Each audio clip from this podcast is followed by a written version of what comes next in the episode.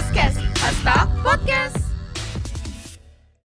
Hai, apa kabar nih? Kenalin, nama aku Aurel. Kali ini kita bakal bahas tentang apa sih pengaruh orang tua terhadap kesehatan mental anak. By the way, aku gak sendirian loh, aku bakal ditemenin sama teman aku. Kita bakal bahas topik ini bareng-bareng ya guys, pasti seru banget. Hai guys, nama aku Juwita. Aku bakalan temenin Aurel di podcast kali ini. Enjoy semuanya. Oh ya, by the way kan pernah gak sih, atau mungkin Juwita sendiri pernah gak sih dengar banyak orang yang bilang kalau misal Genzi itu bakal jadi orang tua yang terbaik. Hmm, iya nih. Aku pernah denger itu. Bukan pernah lagi, tapi sering banget denger banyak orang bilang kayak gitu. Kira-kira kenapa ya bisa banyak orang berargumen kalau Genzi bakalan jadi orang tua yang terbaik? Sebelum ke situ, Juwita tau gak sih apa tuh toxic parenting? Hah? Toxic parenting? Aku sih sering banget denger itu. Tapi aku nggak tahu artinya. Emang apa sih artinya toxic parenting itu? Jadi toxic parenting itu pola asuh orang tua yang bisa dibilang nggak baik lah buat kesehatan mental anak yang mungkin ngebikin anak tuh nggak nyaman sama orang tuanya sendiri mungkin ya kayak terlalu banyak dikasarin terlalu banyak dikang harus nurutin maunya orang tua terus kayak apa nggak sih dan itu ngebuat si anak tuh nggak nyaman nggak sih sama orang tuanya sendiri Oh, aku paham, aku paham. Jadinya banyak dari Gen Z yang ngerasain apa sih nggak enaknya toxic parenting itu. Mereka pasti juga ngerasa kalau toxic parenting ngaruh banget sama mental health-nya mereka. Dan mereka kayak jadi tertekan gitu nggak sih? Nah benar, mungkin Gen Z bisa lebih aware ya sama kesehatan mental anak mereka dia dengan cara nerapin toxic parenting itu. Oh iya, ngomongin masalah toxic parenting nih. Aurel sendiri pernah nggak sih dengerin curhatan soal siapa pun yang kena dampak toxic parenting? Wah kayaknya sih banyak banget ya ceritanya.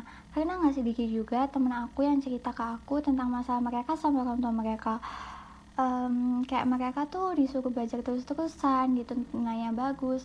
Dan mungkin kata-kata yang dipakai sama orang tua mereka tuh nggak enakin gitu loh ke mereka. Dan itu ngaruh sih buat mental health mereka. Apalagi bahkan ini ada kan berita yang ngabarin kalau ada siswa yang bunuh diri gara-gara stres sekolah online. Iya sih, kebanyakan orang tua zaman sekarang tuh nuntut anaknya buat dapat nilai yang bagus. Bahkan mungkin gak peduli sama mental health anaknya. Oh ya nggak sedikit juga orang tua tuh yang masih suka ngelarang-larang anaknya buat ngelakuin apa hal yang mereka sukain gitu loh. Dan itu kayak ngebuat si anak malah gak nyaman gak sih sama orang tuanya kayak nggak bisa terbuka gitu. Iya, bener banget tuh. Karena jujur ya, kalau misal kita dilarang tuh kita jadi tertutup sama orang tua. Jadi takut mau cerita apa-apa ke orang tua. Dan mungkin orang tua tuh nggak tahu kita lagi kenapa-napa karena ya emang kita takut cerita apa yang kita alamin ke orang tua karena takut dijudge. Oh ya, aku juga sering banget denger banyak orang bilang kalau Gen Z itu bakalan ngetrit anaknya buat jadi lebih baik kayak nggak ngekang anaknya, selalu support apa pun hal positif yang dilakuin sama si anak, selagi si anak bisa enjoy. Dan si Gen Z ini juga beranggapan kalau apa pun kesalahan yang dilakuin sama si anak tuh ada sebabnya. Gimana? Kamu setuju nggak sama pendapat itu? Iya sih, aku setuju banget sama pendapat itu. Karena menurut aku tuh kita jadi orang tua tuh punya hak buat ngasih tahu apa yang benar sama apa yang salah ke anak-anak kita. Sama ngasih tahu konsekuensinya kalau dia ngelakuin apa pun. Selanjutnya dia mau gimana pun ya terserah dia itu hak dia. Karena ya itu hidup dia. Yang penting kita sebagai orang tua udah kasih tahu apa yang salah dan apa yang benar ke mereka. Iya setuju banget. Dengan kayak gitu anak tuh bisa nentuin pilihan hidupnya sendiri dengan bijak dan gak ngerasa kebebanin sama tuntutan kita karena kan kasihan juga si anak dituntut banyak hal kalau dia nggak mau ngelakuin itu. Dan jangan lupa sebagai orang tua kita juga harus support hal yang disukain sama anak kita kalau misal dia ngelakuin hal yang emang gak baik ya kita kan bisa ingetin dengan cara yang baik juga dan gak bikin mental si anak tuh ngedown Iya, bener tuh. Ngingetin dengan cara yang baik dan gak bikin mental anak ngedown.